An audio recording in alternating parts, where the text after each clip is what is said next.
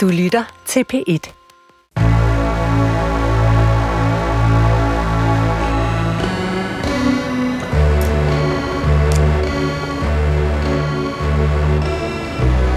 Du har ringet til Hemmeligheder på P1.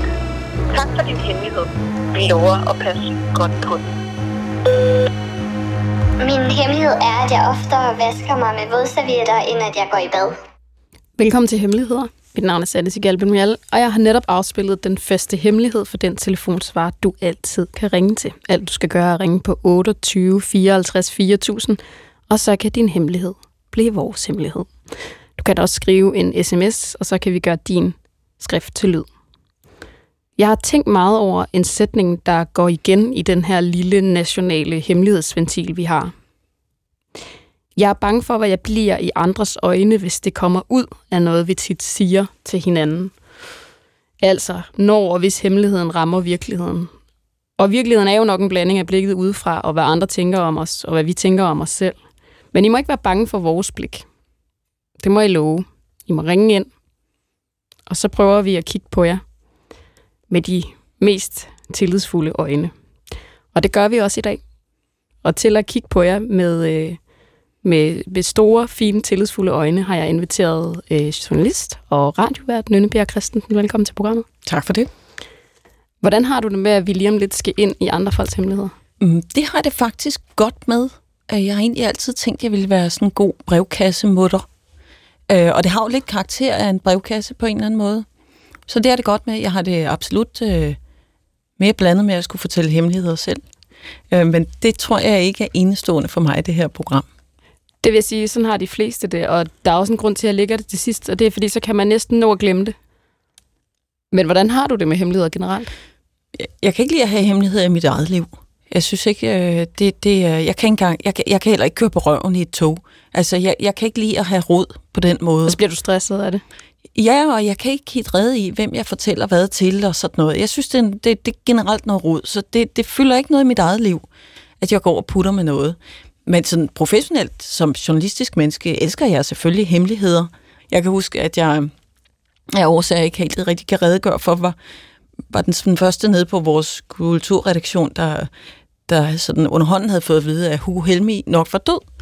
Og, og det er klart, det bliver man jo nødt til at dele med nogle journalistiske kolleger. Så på den måde bliver, bliver og er hemmeligheder og information jo noget, man handler med også. Øh, sådan er det jo også i efterretningsvæsenet. Altså hvis du har en hemmelighed, så er det en anden hemmelighed værd. Så øh, hemmeligheder er jo også sådan noget, der kan tjene til at højne ens egen agtelse, og så man kan handle lidt med i døren, hvis det ellers er interessant nok. Så, men det er selvfølgelig fuldstændig teoretisk, jeg taler om her. Men det er jo, altså, der er jo også professionelle hemmeligheder, der er personlige hemmeligheder, og så er der det, som du siger, at alle hemmeligheder jo har en eller anden valuta. Ja.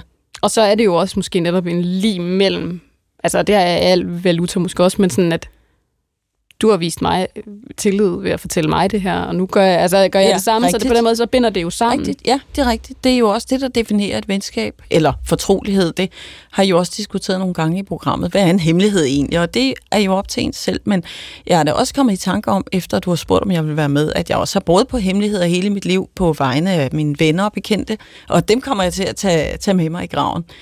Hvis, man skal jo lige vurdere valøren af den hemmelighed, man får. Og hvis det er en rigtig hemmelighed, så skal man også være en god ven og holde på den. Jeg kan godt lide det, og det får alligevel lige en karakteristik af sådan noget øh, kildekritik. Det er journalisten er der. Altså nogle Ikke? gange må man lige, lige holde tæt. Lige ja, vurdere, ja, øh, hvad har jeg jo information, ikke? Præcis. Og fortælle historier. Ja. Vi skal have den første hemmelighed, hvor vi så øh, har lytteren med på telefon. Hej. Min hemmelighed er, at da jeg var 15 år, så drak mig og mine veninder os blackout fulde. Og der skete det, at jeg begik et overgreb på den ene veninde, og jeg har siden mistet kontakten til hende. Vi snakkede om det et par gange, og egentlig er alt fint nu, og jeg kan slet ikke huske, at jeg har gjort det nu. Men jeg føler mig ofte som et forfærdeligt menneske. Velkommen til programmet. Tak. For det første tak for at dele. Jeg forestiller mig, at det er en ret sådan, svær hemmelighed øh, at gå rundt med. Ja, jamen det er det. Det er ret tungt. Der er heller ikke så mange, der ved det. Også fordi du siger det der med, at I drak blackout fulde, så det vil sige, at du, sådan som jeg forestiller mig, så husker du ikke alt. Nej, altså jeg kan slet ikke huske. Det er alt sammen bare noget, jeg har fået fortalt. Okay, så hvornår finder du ud af, at du har begået det her overgreb? Øhm, altså egentlig faktisk næste dag, hvor vi sådan taler om det i sådan venindegruppen og sådan noget der. Men jeg, altså, jeg har på intet tidspunkt rigtig kunne huske det faktisk. Hvordan reagerer du, da de fortæller dig, hvad der er sket? Altså, jeg, jeg er virkelig ked af det og sådan noget. Og nej, jeg tror også, jeg tænker sådan, det kan næsten ikke passe. Vi var alle sammen meget rystede og sådan noget. Det var jeg også. Altså. Hvordan har det sådan præget dit forhold til din veninde efterfølgende? Er det, som du fortalte, så har du mistet forbindelsen til hende. Tror du, det har noget med det at gøre? Ja, det tror jeg helt sikkert, det var. Men altså ja, så nogle gange efter har vi også mødtes, og jeg sådan kom til en og spurgte og sådan noget, om vi skulle snakke om det, og vi snakkede om det, og det var hun også glad for, at jeg kom til hende og sådan noget. Men jeg tror helt sikkert, det er også derfor, fordi det ville være sådan både mærkeligt for mig og mærkeligt for hende at sådan holde kontakten. Har du sagt undskyld til hende? Ja, mange gange. Og tror du, hun, ja. tror du, hun, hun forstår det? Forstår, hvor, hvor meget du mener det? Altså, jeg tror godt, hun forstår, at jeg virkelig mener det, men jeg tror også, det er svært at se imod. Mm. Hvordan har de andre i venindegruppen, fordi venindedynamik er jo tit virkelig kompleks. Altså jeg vil jo nærmest sige, at den er, venindedynamikken er sværere end, end parforholdsdynamikken. Hvordan har de andre veninder i den der gruppe, I er i, sådan, taklet det? Jamen, altså jeg tror, at der er sådan, min bedste veninde, som jeg har det sted, jeg er sådan virkelig gode venner med, som er sådan, ja, som har øh, sådan, hun følt, jeg tror lidt, hun har følt, at hun har stået midt imellem to parter øh. Men udover det, så har vi jo faktisk sådan, formået at holde kontakten og sådan noget, så det er jeg også virkelig sådan, taknemmelig for. Ja. Altså jeg kan godt forstå, at, at, at det er en hemmelighed for dig, fordi det er jo, altså det skulle da en vild nok ting at gennemgå, fordi du ikke selv kan huske, hvad der er sket, ja. og du har sikkert også haft det sådan, er jeg overhovedet i stand til det? Altså, hvor fanden kommer det fra? Altså, så det må også have været en skræmmende oplevelse for dig selv. Virkelig, også fordi det er slet ikke sådan overhovedet, jeg er sådan normalt. Altså, jeg tror jeg aldrig har prøvet at sådan, være sådan hverken før eller siden. Mm. Så sådan, ja. Og så også fordi man er sådan små, og det er ens første oplevelse med sådan alkohol og sådan noget. Det tænker jeg også på. Altså, hvordan har det præget dig efterfølgende, og sådan præget dit forhold til alkohol? Tør du overhovedet drikke dig rigtig fuld mere? Jeg sådan kontrollere det virkelig. Mm. Det er jo også ærgerligt, men man sidder i sådan nogle situationer og tænker sådan, det, det, det er der, hvor det virkelig er en hemmelighed. Jeg tænker, om det er dit eget blik på dig selv, eller det blik, du vil møde udefra, hvis du fortalte det, der fylder mest for dig? Mm, jeg tror, at det er begge dele. Jeg tror, også, jeg tror meget, det er også et blik på mig selv. Fordi jeg er jo heller ikke, altså dem, som har fortalt, jeg har fortalt, det har jo også taget rigtig godt imod det. Men derudover er det jo også selvfølgelig blikket fra andre, at det er sådan noget, som jeg forestiller mig, at hvis folk fortalte mig det, så vil jeg jo ændre syn på dem mhm. fuldstændig. Mm. Men ja, jeg tror godt, at man kan sådan komme til et sted, hvor at, at man sådan begynder at finde fred med det. Mm. Jeg vil sige, sådan, det er stadig noget, som jeg sådan tænker over næsten hver dag. Vi laver alle sammen lort i løbet af vores liv. Altså, det er langt, så, så jeg synes, en ting er, at det kan ske, en anden ting er, hvordan man håndterer det efterfølgende, og kommer ja. videre og lærer af det, og ja, også, også passer på sig selv i den proces efterfølgende, og der kan det rigtig jo godt være at holde det hemmeligt i noget tid, men det kan også være på et tidspunkt, at der skal, skal lukkes noget lys og noget luft ind, øh, og, så, og så kan det jo også hjælpe at, at snakke om det, og måske se det på afstand, og tænke, okay, jeg har forsøgt at gøre det rigtigt, og, og har undskyldt over for hende, og hun ved, at det, det er dybt følt, men, men kan godt have svært ved at leve med det. Men, men så prøv sådan at lægge det lidt til side. Tag, ja. tag det med, der er at tage med fra det. Ja, helt sikkert. Jeg tror altså, altså det, at vi også efterfølgende, mig og hende, har snakket om det, det har vi helt sikkert også gjort noget, at, at man Altså sådan, i forhold til sådan, den proces, at man ligesom skal sådan, tilgive sig selv og sådan noget. Men jeg vil sige, det har været svært. Også fordi det netop var en af mine virkelig gode veninder. Mm. Er der også på en eller anden måde noget i det der kønsperspektiv? Altså det der med, at det var en veninde, altså det skete ja, med? Ja, det tror jeg helt sikkert. Og så tror jeg også, at det er sådan, i forhold til sådan feminisme og sådan noget. Altså, jeg ser mig selv som feminist stadig, og sådan noget. Så føler jeg, at det er sådan lidt modstridende mm. at vide, eller sådan, at man har gjort sådan noget, men at man samtidig er så, sådan, i, så meget imod det. Altså, så føler man sig også lidt imod sig selv. Men ja. Da, da du fik gengivet, hvad der var foregået, var du så enig i, altså utvivlsomt, at det var altså forkert og et overgreb? Eller er der også en stemme i dig, der tænker, ah, okay, så var det måske heller ikke værre? Altså, jeg tror egentlig fra starten af, at jeg var sådan enig i, at det, det var forkert. Men også fordi, at man kunne se, hvor meget sådan, at, at hun var ked af det. Mm. Og sådan noget. Og så var man sådan, wow, det, så tror jeg også, man bliver virkelig, virkelig sådan ked af det, når man sådan, altså veninde. Men jeg tror altid, det vil præge dit forhold til hende. Altså, nu siger du, ja. du har mistet kontakten til hende, men hvis du møder hende random om 20 år, så, så, vil, I, så, vil, så vil I være tilbage altså, i, ja. i situationen med det samme. Så, så der går nogle mennesker rundt derude, man deler en historie med, og sådan er det med alle mm. mennesker her i verden, som, som, som er uflatterende, altså som, hvor, som man ikke står så særlig heldigt i, og det må man bare, det, det må man acceptere, men du kan aldrig, nå til det punkt, hvor du kan se hende med, med helt andre øjne, og det gælder sikkert også den anden vej, at der er sket mm. det, der er sket, og det, det kommer altid til at præge jeres forhold, hvis I, hvis ja. I får i i fremtiden. Eller ja, møder hinanden tilfældigt. Ja. Mm. Ja, altså... Øhm, jeg synes, jeg ville sige noget helt vildt klogt, og lige pludselig for forsvandt det fra min, fra min Det kan man jo altid komme og sige, Nej, men, Og det er faktisk virkelig frygteligt, for jeg var sådan, jeg ved, at det her, det vil jeg nå at sige til dig. Og så forsvandt det, og det sker nærmest yeah. aldrig for mig. Nå jo, må jeg lige hurtigt sige, inden vi, slipper dig. Yeah. Og det var ikke så klogt, som jeg troede. Men jeg vil alligevel sige tak for perspektivet, fordi det er første gang nogensinde i Hemmeligheders historie, vi har en med, hvor vi hører fra det andet perspektiv. Altså yeah. fra den, der har begået et overgreb. Mm. Så det vil jeg bare sige dig tak for. Mm. Det er enormt sjældent indblik, og nu siger jeg i hemmelighedshistorie, jeg kan nærmest ikke huske, hvornår jeg sidst har hørt det. Så det synes jeg er Nej, enormt fint. det har jeg heller aldrig faktisk. Så det er også lidt, derfor det er lidt vildt at fortælle. Det forstår ja. jeg godt. Tak fordi du ringede. Jamen, det er så lidt. Ja, det er det. Det er det der med, at perspektivet er vendt om. Ja, ah, men det, det, og er sgu en vild kvinde, historie. Altså, ja kvinde til kvinde. Det, når men alt ved den historie er vildt, og det er også, at det altså, sker i den alder. Det er bare noget, man skal bære med sig hele livet igennem.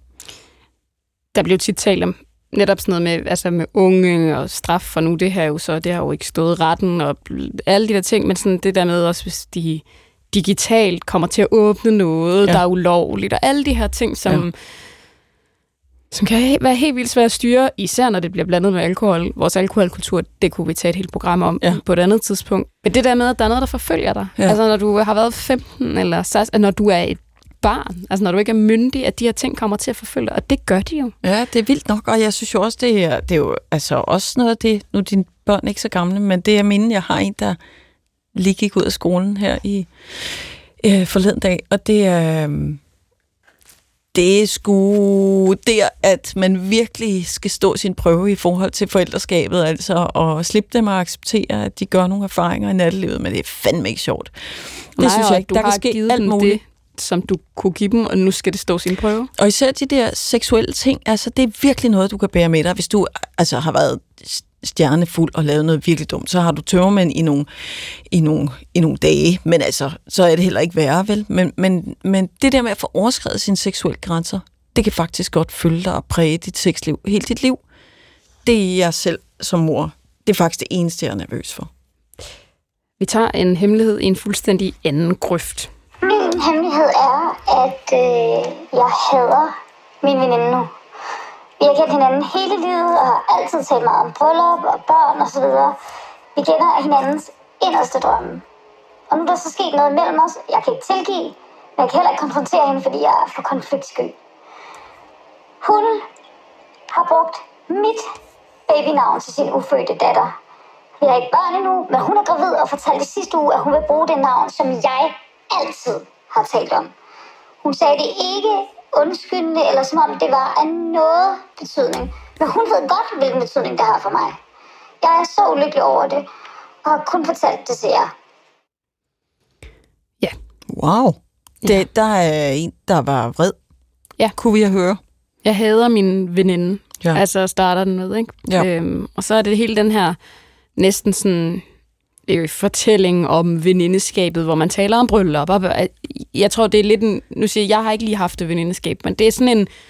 På film udspiller ja. det sig tit, ja. ikke? At man sidder der, og man bytter navn, og så skal jeg giftes med ham der, og han er høj og blond, eller hvad, hvad han er.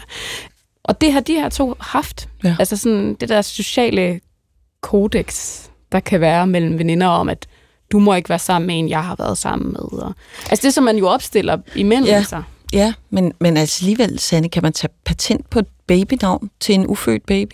Er det ikke sådan lidt first come, first serve? Jamen, det tror jeg virkelig ikke, det er. Nej, altså, det er det tydeligvis ikke, kan jeg mærke. Nej, det, det tror jeg virkelig ikke, det er. Altså, øh, det er, øh, tror jeg, næsten lige så heldigt som folks ekskærester. Altså, det, øh, det er det der med, at man har en drøm. nogen har en drøm om noget andet, men nogen har virkelig den her sådan drøm. Vi er ude i, den her kvinde er ikke gravid. Vi ved ikke, om den her kvinde overhovedet skal have et, et pigebarn i nærmeste fremtid. Det kan være, hun kun får fem drenge. Eller. Mm. Men drømmen lever, ikke? Jo. Jo, men det der... Jo, men så vil jeg jo så lige nævne, at man kan jo ikke tage patent på et navn. Nu hedder jeg Nønne, så det har jeg næsten, for det er der nærmest ikke nogen andre, der hedder. Men, men, men, øhm, men der er jo mange, der kan hedde Flora eller, eller Bob. Men ikke Men din veninde. Nej, det er det. Og det er jo i virkeligheden, det svigt. Det, det, er, det er svigtet, fordi hun siger, hun veninden nævnte det uden angeren. Ja, Altså, så, så der, der er noget, der tyder på, det, det er der, den ligger. Ja. Veninden har ikke hørt hende og forstået hende. Nej, det er tillidsbrud. Det er der, tillidsbruddet ligger. Og det er det, hun er ked af og, og vred over nu. At, øh, Ja. at hun, veninden har simpelthen ikke forstået, hvor meget det betyder for hende.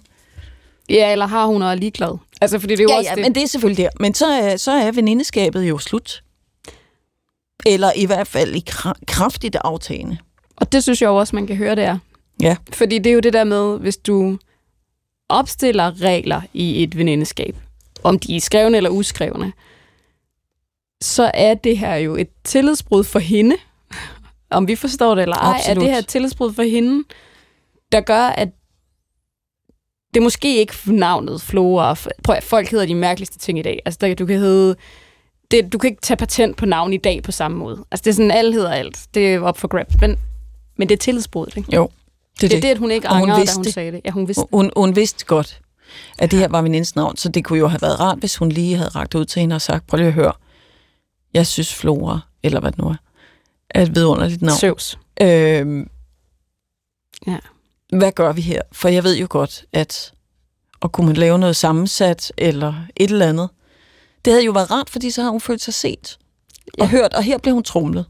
Og hun er heller ikke gravid. Så det er jo også den Nej, der, nej. sådan, der er jo også sådan en måske også en sorg ved at se nogen på vej hen mod den drøm, de er ved at realisere, mens man stadigvæk står med det der navn, som egentlig ikke rigtig kan blive brugt. Eller Ja. sådan, så der er jo også alle mulige, og det er jo selvfølgelig noget, jeg læser ind, det kan vi jo ikke vide, når Nej. lytteren ikke er med, men der ligger jo også et eller andet i, du er på vej et andet sted hen med det navn, som jeg havde drømt om. Ja, ja og, og alle ved jo, at når man får børn, så kan vejene godt skilles lidt. Der kan jo gå mange år, før hun måske finder en kæreste eller får børn, og, øh, og måske er der også, måske er der også, som du siger, en sorg i det over, at nu skilles vejene lidt, og måske ville jeg også godt have haft et barn, og, og det skal man jo også lige kigge ind, indad og finde ud af, om det er, om måske om det er det, der krasser, øh, eller om det bare er navnet, eller det her med, at, man ikke, at hun ikke føler sig set i den her proces, men, men nu ved jeg godt, det ikke er en brevkasse sand, ikke?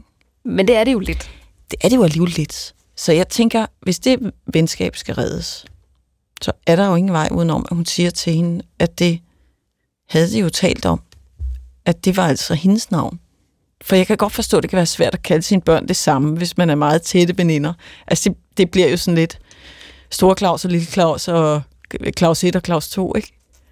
Det bliver lidt noget råd, og, og den der sådan det unikke ved, ved navnet i omgangskredsen eller familien går, går lidt af. Men du skal Så- så. også deltage i din venindes barns liv. Så Ja. hvis de, hele din drøm ligger i Flora, som så bliver født, og du skal tage del i det liv, du troede, du skal have, men der må jeg også bare sige, det forstår jeg godt. Ja. Men du aner ikke, hvordan dit liv kommer til at se ud. Altså det her sted, Nej. hvor de står lige inden børn, måske slut 20'er, whatever, hvor de midt 20'er, slut 30'er, midt 30'er.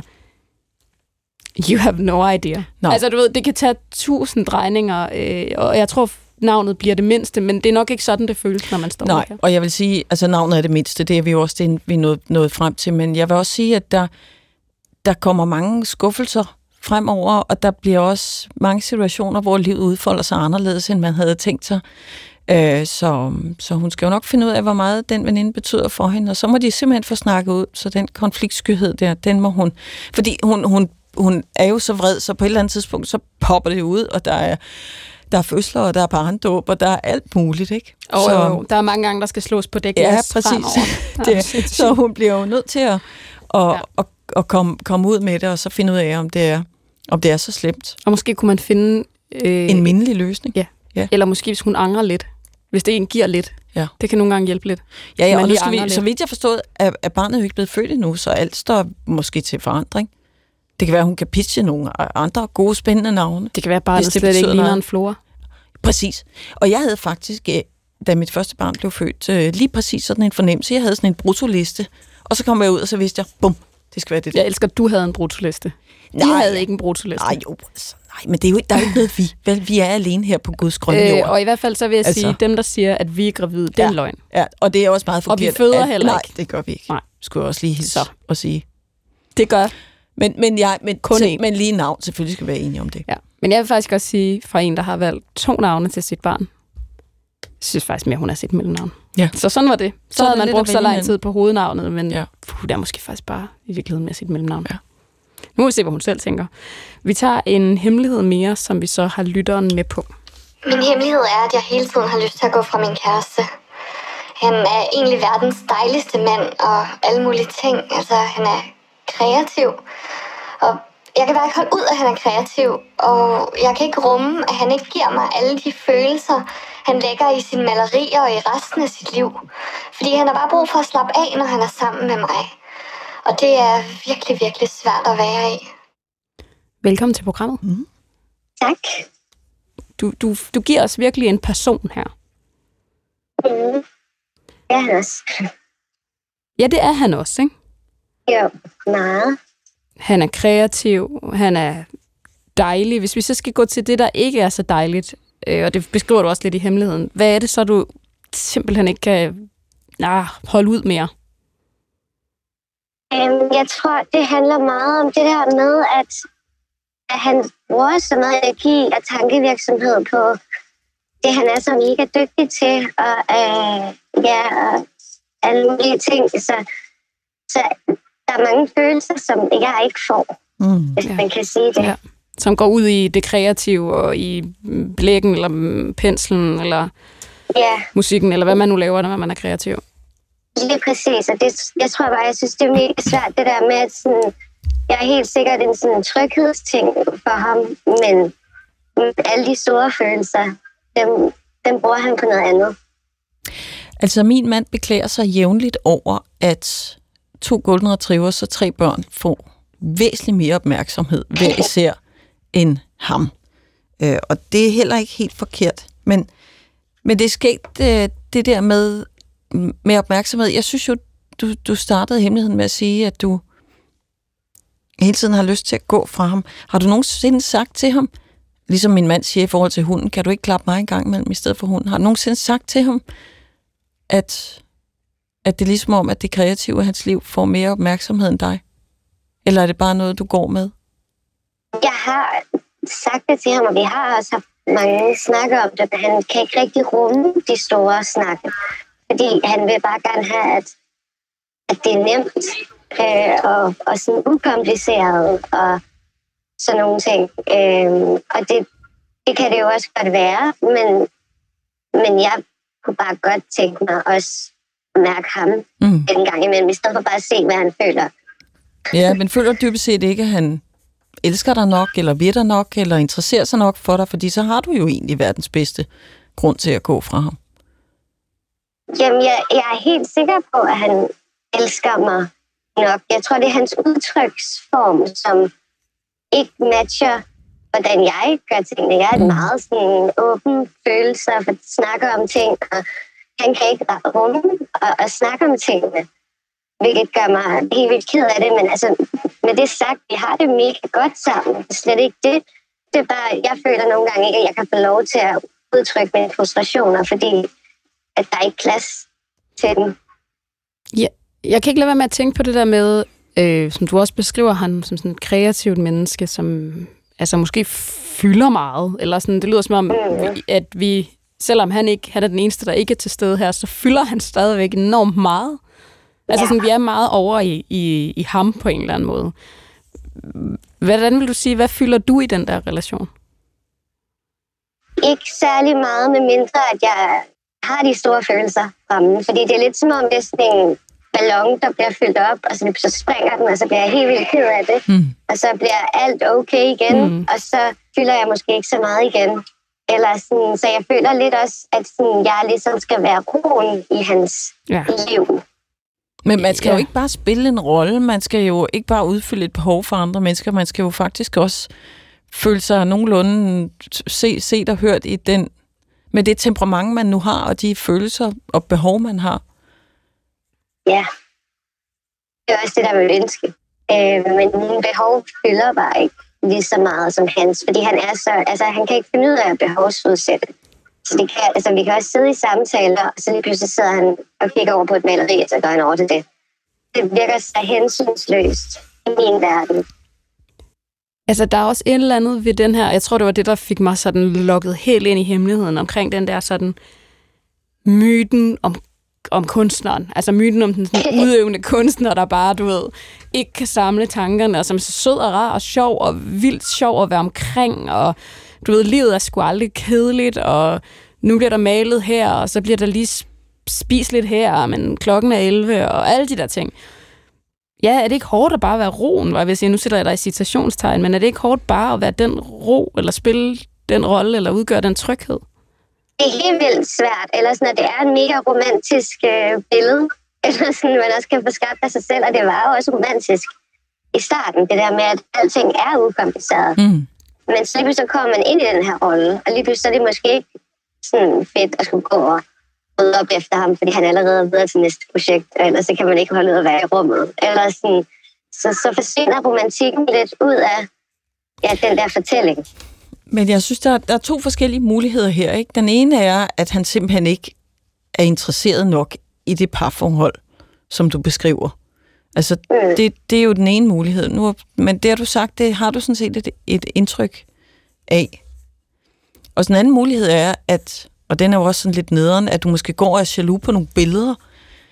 øh, men, altså, men der kunne være alle mulige. Der kunne være kvinder, han flirtede med, og venner, han brugte en hel masse tid sammen med, og så, så, så hvis du er sikker på, at, at du vil ham og, ham, og han vil dig, så bliver du også nødt til at tilstå ham det, at, at, øh, at den kreativitet i hans liv måske er, er en, en nødvendighed.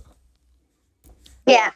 Men, men, men hvis han faktisk ikke ved dig nok, og du ikke får det ud af det forhold, som du gerne vil have, og overhovedet ikke føler, at der er en plads til dig, så nytter det jo heller ikke noget. Altså, så, så synes jeg faktisk, du har en god grund til at gå fra ham. Ja. Ja, det er jo bare svært. Ja, ja men det er, jo heller ikke sikkert, det er heller ikke sikkert, det er det rigtige. Nej. Jeg tror bare, der er noget i det der med, at man let kan komme til at spille en rolle, især når man ikke har børn. Fordi ja. børn hiver ligesom der ud af alting, og så er du bare nogens mor, og sådan, så kan du lige arbejde på at få en anden ja, identitet. Ja, og, han, og, han, og han vil blive nogens far. Ja, det er det. Men når du ikke har det, altså når man ligesom har den der, der er altid i verden, og der er ikke nogen ligesom sådan, du ved, regler, og man behøver ikke stå op til noget, og hele den der, så kan man bare godt blive fanget i de der narrativer. Mm. Altså, og så bliver det også trygt på et eller andet tidspunkt at være den person, og man kender det, og som du siger, det skal være let, men altså undskyld mig, det, det, det er der jo egentlig ikke nogen, der har lovet, eller sådan, at det skal være let. Jeg forstår godt, at han gerne vil have det. Jeg forestiller mig, at der foregår totalt mange ting op i hans hoved, og det er da øh, altid lettest. Jeg ville også ønske, at det altid var let, når jeg kom hjem, men det er det bare ikke. Men det er også bare hele det der med, det er også, det er også en lidt vild ramme, mm. altså det der med, at det skal være let. Ja, og det er også den, jeg ikke befinder mig så godt i, fordi jeg har det som om, at sådan, hvis ting skal være lette, så bliver man jo også ligesom nødt til at altså, ja, sætte en ramme for, hvad det er, der er let. Og hvad er det for hvem? Ja, for ja, det kunne blive lidt for os begge to, tænker jeg, hvis der var nogle rammer, og det ikke bare kun var hans behov, Mm. der styrede hele vores hverdag og al vores tid sammen. Fordi nogle gange så har jeg også behov for at lave noget andet.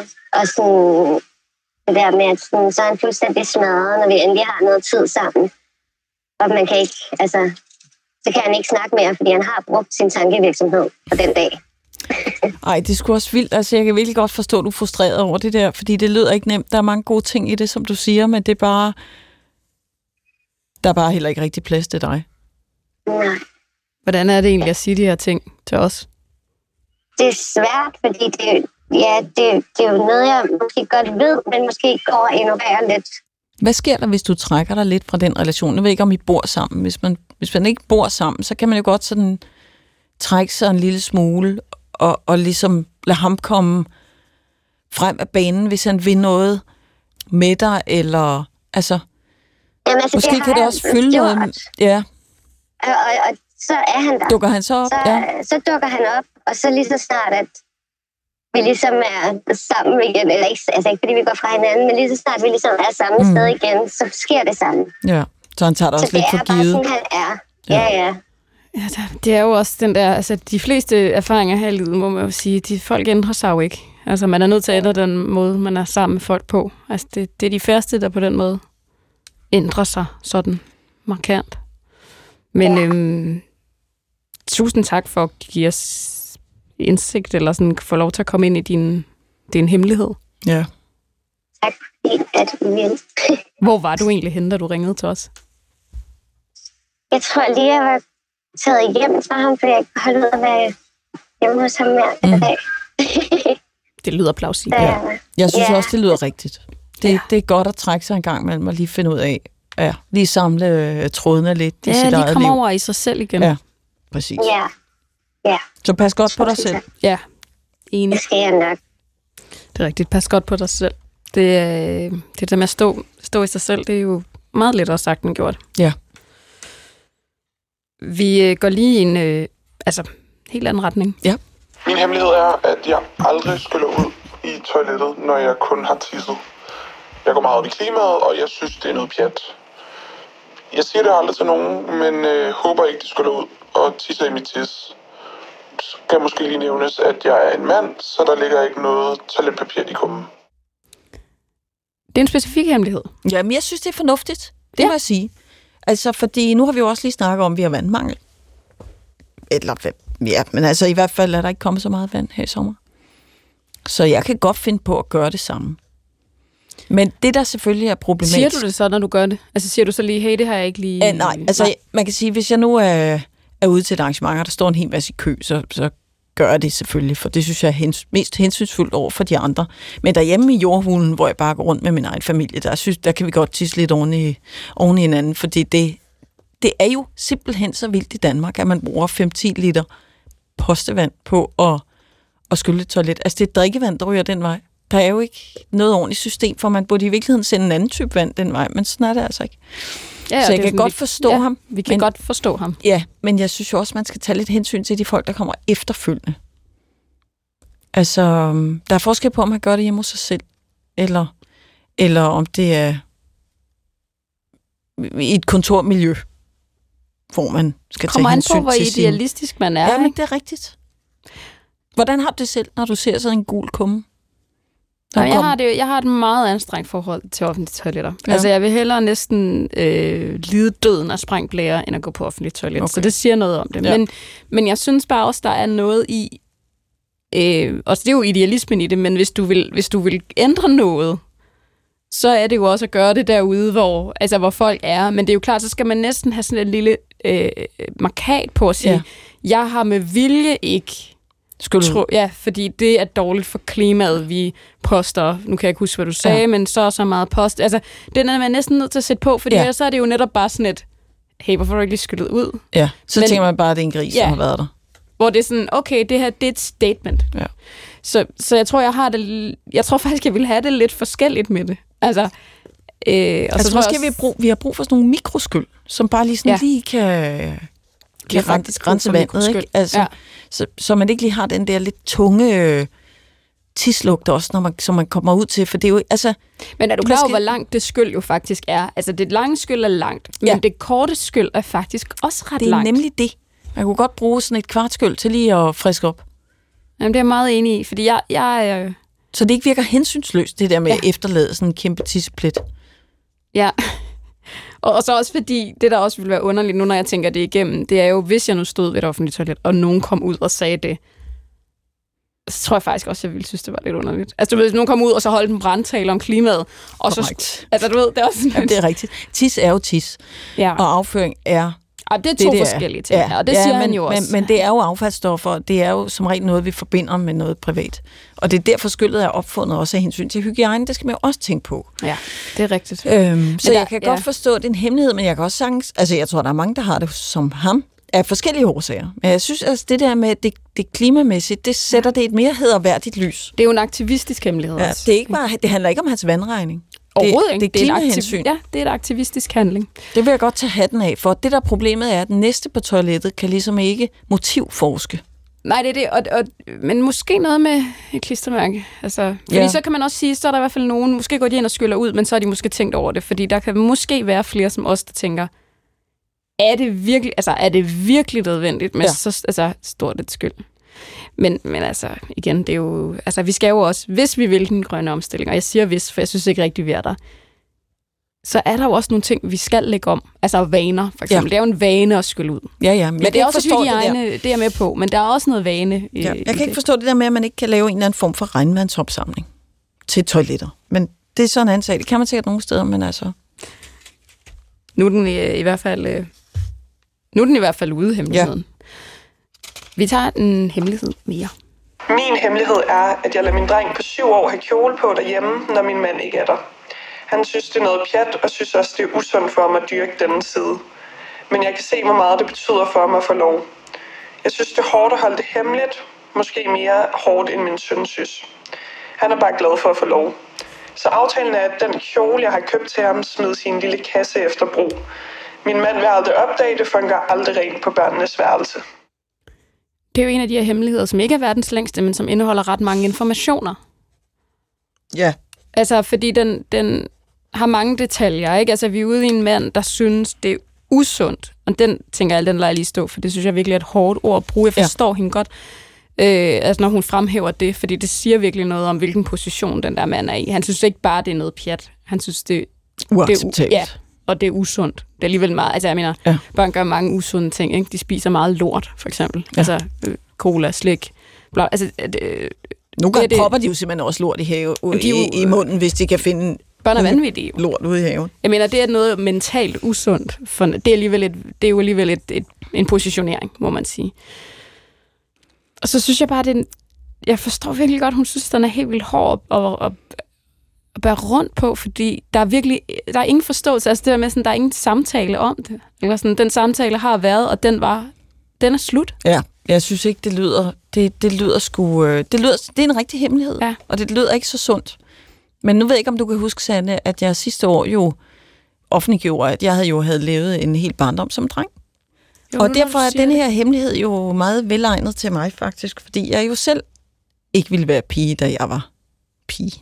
Så jeg plejer at sige, at jeg havde et liv som dreng. Og Også fordi det føles børn. forkert. ja, ja. Bare altså, for dem, jeg, der ikke ja, heller kan huske jeg vil det. Jeg ikke kan godt være, huske det nu. jeg vil ikke være, øh, jeg vil ikke være pige. Jeg havde meget svært ved at se mig selv i de kvinderoller, der var. Så det at lege med, men, men min pointe med at komme ud med min fortælling på det tidspunkt var sådan set, at man kan godt finde sin egen vej i tilværelsen og trives med sit eget køn, hvis man definerer det bredt nok. Og folk omkring en accepterer det. Så jeg kender altid det der med at lege med rollerne som barn. Og det betyder jo ikke noget som helst. Der er jo mange mænd, der tror, at hvis drenge går i i øh, pigetøj, så bliver de homoseksuelle, og jeg mener, for, for det første, hvad fanden er problemet ved det, hvis det skulle ende der? Øh, men det, måske er det også bare leg med roller. Altså måske er det ligesom, de, de sidder over og kører løs nede i børnehaven med alle mulige, og de hopper rundt i rollerne, og det er jo en del af det at blive voksen. Øh, og udforske, hvad der er over på den anden side af hækken. Og i dag vil jeg være bager, og i dag vil jeg være politibetjent, og i morgen vil jeg, vil jeg være noget helt fjerde. Ja. Og det er jo fuldstændig vidunderligt at se, hvordan børn helt uproblematisk surfer rundt i deres egen fantasi. Moren Nej. kan godt se en nødvendighed. Hun kan se, At hvor glad han glad. bliver. Ja. Ja. Og det kan hun heller ikke dele med den der mand. Og det synes jeg jo også, at øh, det er jo en vild hemmelighed i sig selv. Men. Ja. hvad tror du der... Nu ved jeg ikke, om du har skrevet om, hvordan du blev mødt i det, men hvad var der sket, hvis du havde fået sådan et nej? Det skal du ikke. Ja, det må du ikke. Ja, men mine forældre var faktisk ret cool til ligesom bare at acceptere, at jeg måtte jo gå i det tøj, jeg ville. Og altså, der var muligvis en lille kamp med, at jeg husker det ikke. Nu er det måske heller ikke så, så slemt i anførselstegn at gå i drengetøj, når man er pige, som det er at gå i pigetøj, når man er dreng. Jeg tror faktisk, det er sværere at gå i kjoler, når man er dreng. Der sker jo en hel masse på den front. Det ved du også. Unge, unge drenge kan jo godt finde på. Så har de make på, så har de øre, store ørering på, som vi tidligere også ville forbinde med noget kvindeligt. Nogle af dem tager også en sko på med noget hæl og sådan noget. Der er jo meget højere til loftet, end der var for bare 10 år siden. Altså, det er så fedt, synes jeg. At se drenge, som tydeligvis er heteroseksuelle, øh, eksperimentere, og dit liv tam, der er crossdresser og sådan noget. Altså, I Bachelorette sidder de og laver perler, har jeg tænkt meget Jamen over de altså, der mænd. Og jeg elsker det det, men jeg tror bare heller ikke, man skal være blind over for, at der måske også er noget øh, geografi her. Altså, jeg Absolut. siger ikke, at det er fra, fra... Altså, jeg tror bare, vi sidder også i en lille kreds måske, eller sådan, måske lidt lukket. Altså, jeg forestiller mig, at den her mand er også repræsentativ. Ja. Ja, men nu spurgte du, hvad ville der ske? Hvad ville der være sket, hvis vi havde lagt låg på det? Jeg tror ikke, der, der kommer bare ikke noget godt ud af det.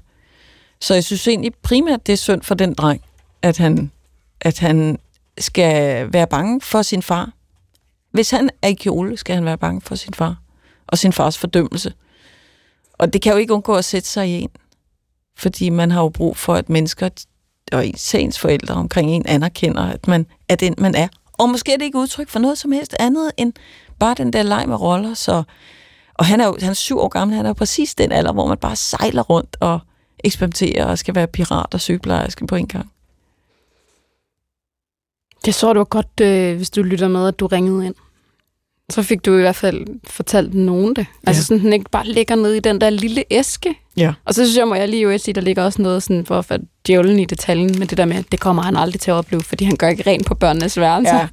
Det synes Ja. jeg også var en meget... Øh, Der, der, er, der er nok noget med kønsrollerne her, som var ved at, at udforske en stille aften, hvor der er en flaske rødvin på bordet. Så har vi ikke... Øh, Så har vi ikke sagt for meget. Vi tager faktisk den øh, sidste hemmelighed, inden du fortæller også en hemmelighed. Uh, for tiden flyver. Jamen, jeg ved det. Det gør mig virkelig utilpas, når mine forældre viser omsorg. Da jeg var barn, der havde de kort sagt ikke særlig meget overskud til at tage sig af mig. Især ikke følelsesmæssigt. Oven i det havde jeg ret træls barndom, fordi jeg længes efter havde brug for den her omsorg. I dag har det langt bedre, og de gør derfor alt muligt, de kunne dengang. Desværre har manglen på det gjort, at det gør mig dybt utilpas at kramme dem. Jeg hader, når de skriver, at de elsker mig, og jeg er også vred på vegne af lille mig. Ja, det er bare det. Okay, det var da ikke bare det, sagde Nej. For Og- helvede. nej. Og det siger folk tit, og jeg tror bare, det er sådan en, øh, nu siger jeg sådan en forsvarsmekanisme, Ja. ja. at man ligesom lige øh, lægger hemmeligheden ned, som har været ret stor ved at sige, det var bare det. Fordi det kan være svært at afslutte det, fordi du ringer ind til en telefonsvar. Og det er jo en svær, den her, den er der jo ikke nogen afslutning Nej, på. den er sgu tung. Og den er på en eller anden måde lidt i familie med, med den før. Altså, det der med at, at, at vise, altså at have sin forældres ubetingede kærlighed og accept. Det, det, det, er det, det er det værste og det mest indgribende. Altså, ja, altså der er selvfølgelig alle mulige overgreb, men, men hvis ens forældre ikke kan udvise kærlighed over for en, så er det et sår, man slæver med sig hele livet igennem. Den tilknytning, som man har eller ikke har med sine forældre, er jo, ja, som du siger, det er jo den, man bærer rundt Ja. på, og det er den, man tager med ud, og det er den, man skal forme alle sine relationer Præcis. ud fra. Og her der er der jo en fin refleksion over, at det kan jeg ikke, fordi det er det. Altså, jeg er utilpas Ja. ved Det omsorg, fysisk ikke? berøring. Altså. Ja. Men, men, men det, mm, hvis vi skal trække noget positivt ud af den her historie, er det jo, at forældrene tydeligvis har været bevidste om, at de har omsorgssvigtet ham, hvis det er det, der er... Ja, altså han siger, at han ikke har fået omsorg nok. Nu bruger jeg udtrykket omsorgssvigtet. Det betyder det jo ikke, hvad, behøver det ikke være i klinisk forstand, men, men det virker som om, at de er klar over, at der har været et svigt. Øh, og de prøver at gøre noget godt igen. Og det synes jeg, det synes jeg er meget positivt. Men jeg kan også godt forstå, at han stadigvæk er vred. Men hvad skal vi stille op med den vrede, Sande? altså, vrede er jo en, kan jo være en drivkraft, men det kan jo også være noget, der gør, at man sidder fast. Og det er jo helt umuligt at sige, hvor den her person sidder altså Ja. lige nu. Og, og der kan jo også være mange faser i vrede, forestiller jeg mig. Altså, jeg tror også bare, som du siger, der er noget, der er noget forløsende i, at der er en anerkendelse Ja. af problemet. Ikke? Jo, altså, at, tydeligvis. at man trods alt vil kunne tale om det, eller gøre en indrømmelse, eller der måske kan være helende på en eller anden måde. Men det, men det er jo klart, der er jo noget, der er gået fra en. Mm. Altså, fordi der er noget, man, altså, der er simpelthen nogle helt simple regler, man ikke har lært, eller nogle, nogle relationer, man får helt vildt svært ved at være i. Ja. Og det kan jo være meget svært at tilgive, ikke? De forsøger jo tydeligvis at kompensere nu, og den må man jo tage med sig. Og så synes jeg, der er en anden ting, som jeg også selv øh, har haft meget glæde af faktisk, og det er at se, hvad er det egentlig, de kommer fra. Altså Ja. han siger selv, at det, det lyder som om, der ligger et analyseapparat til grund for, at hans, at, at hans forældre har haft det vanskeligt i en periode. Øh, måske kommer de selv fra nogle lidt bøvlede familiebaggrunde. Måske har de ikke fået særlig meget med hjemmefra i forhold til at vise omsorg. Øh, måske har de været et kompliceret tidspunkt i deres ægteskab eller arbejdsliv eller sådan noget. Og jeg synes sådan set godt, hvis man skal gå lidt ned ad den tilgivelse, og man kan jo ikke slæbe alle de der fortællinger om sin barndom med sig hele livet. På et tidspunkt må man slå en dobbeltstreg og sige, det er det, jeg har med i mit bagage, og det skal jeg prøve at få det bedste ud af. Men, men der synes jeg, at på vej ned ad den sti, kan det virkelig godt hjælpe at sige, jamen, hvad var så årsagen til, at de ikke magtede at udfylde den forældrerolle på det tidspunkt? Og så kan man måske komme lidt mere overens med det selv. Men den der fysiske utilpashed, den ved jeg sgu ikke, om man nogensinde kan, kan komme overens med. Altså, Og så ligger der jo nok også en sorg i, at hvis nogen prøver at komme tilbage, Mhm. mm. altså hvis de prøver vidderligt at kompensere eller komme tilbage, og hvis man bare ikke kan nå over den mm. der grænse, så ligger der næsten sådan en dobbelt sorg, ikke? over at man heller ikke kan tage imod, og man stadig ikke kan tage imod, og man heller ikke kan tage imod tilgivelsen eller indrømmelsen, eller sådan, den er, det er, et, det er et svært sted at stå. Ja. Men du har ret i det der med, når man først får en forståelse, hvilket jeg også synes, det lyder som om der er, når man Ja. først forstår, hvad ens forældre også har båret rundt på, fordi Ja. de er formet af det, de er formet af. Og Men sådan, det kan også være, at der slet ikke er nogen undskyldning. Det kan også være, at det, det, at, at det bare har været tjusk og slendrian og mangel på forståelse for forældrerollen og mangel på forståelse for, hvad omsorg betyder for børn. Altså, og det, det, det kan jeg godt forstå kan være svært at tilgive. Så det er jo så kun, hvis der er noget at, det er så kun, hvis der faktisk er noget, som kan forklare deres adfærd. Så det kan man måske bruge til et eller andet. Men, men øhm, fordi jeg synes, man skal ikke bænde rundt på den vrede hele sit liv. Altså på et tidspunkt må man jo også prøve at se, hvad man kan bruge i den relation. Og, så, og hans forældre vil jo tydeligvis gerne have et forhold til ham resten af livet. Det lyder ikke som en relation, der er ved at gå i stykker. Øh, ikke, ikke fra forældrenes side i hvert fald. Og der skal man sgu også tænke så godt om, hvis man, hvis man bryder forbindelsen til sine forældre. Og måske også inden man selv får børn. Fordi hvad, Ja. ved, hvad, altså, hvad ved man om, hvad man får brug for, når Præcis. man så får selv, altså hvis man gør, sætter børn i verden. Jo, Det er jo og sådan et hvor mange cirkulært nisser, system- Ja, ja, hvor mange nisser flytter med, ikke? Jo. Vi tager lige en aller sidste hemmelighed, inden du fortæller en Mhm. hemmelighed. Min hemmelighed er, at jeg laver hygge vandstandssimuleringer på Geos, for at jeg kan se, hvem der drukner og hvem der kommer til at overleve. Jeg kan se, at du lige, der skal du lige tænke over. Og det forstår jeg. Hyggevandssimuleringer på Geos, det er bare fordi, det udtryk kendte jeg ikke. Nej.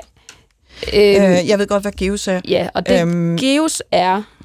og Nu skal jeg prøve at se, om jeg kan få den helt rigtige... Øh, Ja, det er det, det, er det geologiske videnskabelige selskab, kan man sige. Jeg kan ikke huske, de nationale geologiske undersøgelser Ja. for Danmark øh, og Grønland, øh, som jo er sådan en, hvor du kan, det, Ja. den måler vandstanden, altså ja. Du kan hele tiden se, hvordan bevæger det sig også i forhold til ja. klimaforandringer, altså hvem, hvem, var jeg ved at sige, hvem kommer, til, hvem kommer til at overleve, når vi får vandstand, der er sådan, og Så kan man lige se deroppe i, i Skagen og Blokhus, hvor der ligger nogle rigtig lækre huse ude i vandkanten, og måske og, og, og Nordsjælland, der ryger også nogen, så man lige siger, nå okay, der ryger Preben der, der Ja, ligger helt... selvom øh, sådan, du ved, han har også troede- altid været så Ja. højrøget. selvom du troede, du havde et fedt hus og mange penge, Ja. ikke? det tager vandet ikke hensyn Ja. til. Ja. Ja, altså, jeg, Det er, det, men prøv lige at høre, jeg synes, det er en, øh, det er en, øh, det er sgu en skøn måde at komme af med sine mikroaggressioner på. ja, for det er lidt det, der, ikke? Det er det. Men, Altså, det er men prøv lige at høre, jalousi og misundelse, det har vi alle sammen. Der er altså ikke nogen, der går fri. Øh, så jeg synes, øh, det, det er en udmærket måde at håndtere det på. Altså, det er jo også sådan en lidt hemmelig... usædvanlig måde at håndtere det Ja, på. det er nemlig en lidt usædvanlig måde at håndtere det på. Og så synes jeg også, det der er med den her hemmelighed, det er, det er sådan en hemmelighed, som vi ikke havde talt om for bare to år siden.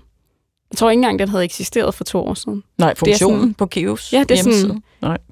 Nå ja, okay, det her det er en virkelighed, vi går ind i lige pludselig. Eller sådan, hvad handler det om? Nogen kommer til at sidde på toppen af et eller andet, eller når jeg køber en grund, så skal den i hvert fald være Ja. så og så høj, og Amager, den er udslettet, og vi skal til Men at bygge altså- en DR-by. Og... Men Sanne, det, handler jo, det her handler jo ikke om vand. Det handler om, om irritation og jalousi og, og måske en lille smule klimabevidsthed. Ja, nu har vi lige haft den her tørkeperiode, og der kan man jo også godt have diskussioner på tværs af hækkene, om man skal vande sin have. Kan du tillade dig at vande din have? Der har været en artikel om det i weekendavisen og så videre. Altså, det er også pludselig en ting, hvor man sådan øh, kan gå hinanden i bedene og have en mening om Altså, ressourceforbruget forskellige steder. Jeg har da haft øh, hemmeligheder, hvor at øh, folk har fået deres børn til at vande planterne. Fordi så øh, var der ikke den samme fordømmelse fra Nej. naboerne. Fordi det er altså svært at stoppe en treårig med en vandkande. Ja. Og starterne skulle vandes. Jamen altså, jeg er nået til det punkt, hvor jeg ligesom, når jeg skyller grøntsager, samler vandet op og smider det i potterne, fordi jeg synes, at det, der, der går altså for meget vand med det. Men altså, vi, vi har jo været rundt om, om den der toiletsituation også. Men du har ret i, det, en det, er jo en, det er en helt anden. Det er hygge. Øh, altså, det er jo ikke hyggeligt, vel? Nej. Altså, så det er, sådan, det er alt andet end hygge, men der bliver sagt hygge Ja. simuleringsting. Så jeg vil sige som afsluttende bemærkning, altså ingen, ingen går fri øh, af jalousi Nej, og besundelse. og misundelse. Nu kan vi ikke trække den Nej, jamen det skal vi heller ikke. Nej. Men det har jo taget mig noget tid at finde ud af, hvad er egentlig en hemmelighed, fordi jeg synes jo ikke, jeg bærer rundt på hemmeligheder på den måde. Så må, Nej, og du lavede faktisk den der, ikke en hemmelighed, men du lavede den der historie ud, som du også lige var inde på. ja, om at jeg var dreng som barn. Og det synes jeg... Var det en hemmelighed? Nej, det vil jeg egentlig ikke sige. Men det er jo ikke alle ens private eller personlige ting, som nogen kan have glæde af at høre om. Man bliver også nødt til at pa- passe på sin omgangskreds. Men det, jeg faktisk vil sige, var, at jeg ikke tror, jeg har nogen nære venner. Og det er en ting, som jeg tænkte kunne være meget god at snakke om i det her program, fordi I tit også hører fra nogle unge mennesker, som har svært ved at finde ud af relationer til andre mennesker. Jeg har faktisk aldrig haft behov for at have en meget nære venner. Jeg har en stor omgangskreds, og jeg har også mange venner. Jeg har ikke svært ved at tale fortroligt med dem. Men jeg har simpelthen aldrig haft sådan en bedste veninde, eller en venindekreds helt tæt på mig. Jeg kan slet ikke... Jeg får sådan helt klaustrofobi over, hvis jeg skulle tale med en ven sådan hver uge. Der er nogen, der taler med en ven hver dag. Jeg har engang venner, jeg, t- jeg taler med en gang om måneden. Det vil jeg ikke tro. Altså, så jeg har en hel masse venner, men jeg har ikke nogen, der er meget tæt på mig. Hvad så med alle de ting, du øh, går rundt og bøvler med, eller har åh, tanker eller bekymringer eller sådan noget? Dem, dem deler du så, Dem har jeg ikke særlig mange af. som du ikke selv kan. Altså, det er virkelig underligt, Takle. men jeg er ikke i tvivl særlig tit. Men så snakker jeg selvfølgelig med min mand. Altså, måske er det jo også det, der sker, når man kommer i et parforhold. Så har man jo, så har man jo en fortrolig, altså så er det, så er det os to mod resten af verden. Så der er ikke nogen sorg over, sådan at du ikke Nej, har den der, hvor... Det har der ikke været i mine unge dage, men jeg Nej. må også erkende, at efter jeg har fået tre børn, og ligesom været igennem hele den tummel, nu har jeg også fortalt om, at min ældste datter, hun går i, lige går ud af 9. så de at være store. Og, øhm, og jeg kan simpelthen mærke, at, at det er bare faldet helt fra hinanden med min vennekreds, mens jeg har haft børn. Fordi man bare fokuserer, eller man siger, jeg har fokuseret super meget på mit arbejde og på mine børn. Der har bare ikke været plads til andet. Og det, jeg egentlig ville sige med det, Ja. Sanne, var også bare, at man skal jo heller ikke noget, som man ikke ønsker. Altså, jeg kan også se, at mine børn er private. Nogle, altså, en af dem er meget social, og en af dem er midt imellem, og en af dem har ikke. Altså, tager ligesom sit menneskebad i skolen, og, og, og så er det nok. Så Menneskebad. behøver, ja, er meget så behøver man ikke... Øh, jamen, det er Søren Kierkegaard, der, der gik tur i København og tog sit menneskebad. Så behøver man ikke mere, og sådan har jeg det måske også. Det er jo et meget interessant perspektiv, fordi dem, der ringer her, er oftest er enormt kede af ja. Ja. ikke at have nogen venner, men jeg tror også, det vil være rart for nogen at høre, som har det ligesom dig. Altså den der sådan forventning til, at er det bare fordi, du ikke kan åbne op, eller er det bare fordi, du, du, er sådan, du har, altså, det lyder som om, du har et dejligt liv. Altså det lyder ikke som om, det er noget, du savner i dit liv. Du kunne godt tænke dig at hænge Nej, jeg skal, jeg skal gøre noget mere ved dem, og det var derfor, jeg fik, fik altså kom i tanker om det, at ja, nu sætter vi det lidt på spidsen, ikke? men jeg skal også gøre mig mere uvenner, vrøvl. Jeg skal komme mere umage med mine venner. Jeg vil ikke være uvenner med dem, men, øh, men jeg, skal, jeg skal se noget mere, fordi jeg, jeg holder meget af dem, men er der sindssygt, hvor går der lang tid imellem. Alt for lang tid. Altså, selv for min smag alt for lang tid. Men, men den nære veninde har jeg aldrig haft, og man behøver altså heller ikke have det. Det er Selvfølgelig, hvis man har behov for det, så er det... Men, men jeg synes også, vi sådan instrumentaliserer hinanden lidt Det er jo heller ikke gange. frekvensen af, hvor meget man ses. Nej. Altså, Det er det er det jo ikke. De gode venskaber Nej, og det er de rigtigt. dybe relationer har jo... Altså, jeg tror, vi havde en sådan en psykolog, ind, der taler om venskaber, så altså, det er jo den mest fleksible relation. Altså, Ja. fordi det er en frivillig relation, ikke? Altså, Jo. på den måde er det også den mest fleksible, så tænker, det er jo ikke frekvensen eller den lange telefonsamtale, der udgør et godt venskab for alle. Men jeg er altså... Men du skal, du skal, jeg, jeg, jeg du skal, i tage mig sammen. Ja. ja, jeg skal virkelig tage mig sammen. Men, men øh, folk er forskellige. Og, og unge mennesker især har en tendens til at passe meget ind i kategorierne og ligesom sige, okay, man skal have en eller anden kreds af folk omkring sig altid. Og det, det vil jeg bare sige, det kan godt være, at nogle temperamenter er til det, men det kan også godt være, at der er nogen, der ikke er til det. Og hvis man får lidt klaustrofobi af det der, så skal der nok være nogen til en, også i fremtiden, i en eller anden form for relation, som man kan få til at passe ind i sit liv og sit temperament.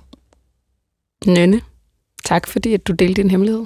Det var utrolig interessant at være med, faktisk, og tænke på hemmeligheder på denne her helt isoleret måde, sådan fritskrabet måde. Det er sådan en helt underlig boble, ikke? Altså, Jo. det føles som om, det aldrig nogensinde bliver sendt, men det gør det. Og øh, tak fordi du lyttede til andres hemmeligheder. Og tak fordi I lytter med derude.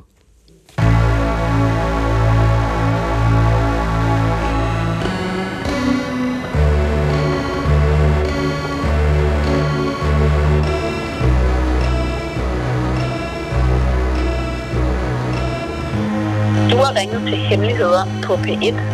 Tak for din hemmelighed. Vi lover at passe godt på den. Gå på opdagelse i alle DR's podcast og radioprogrammer. I appen DR Lyd.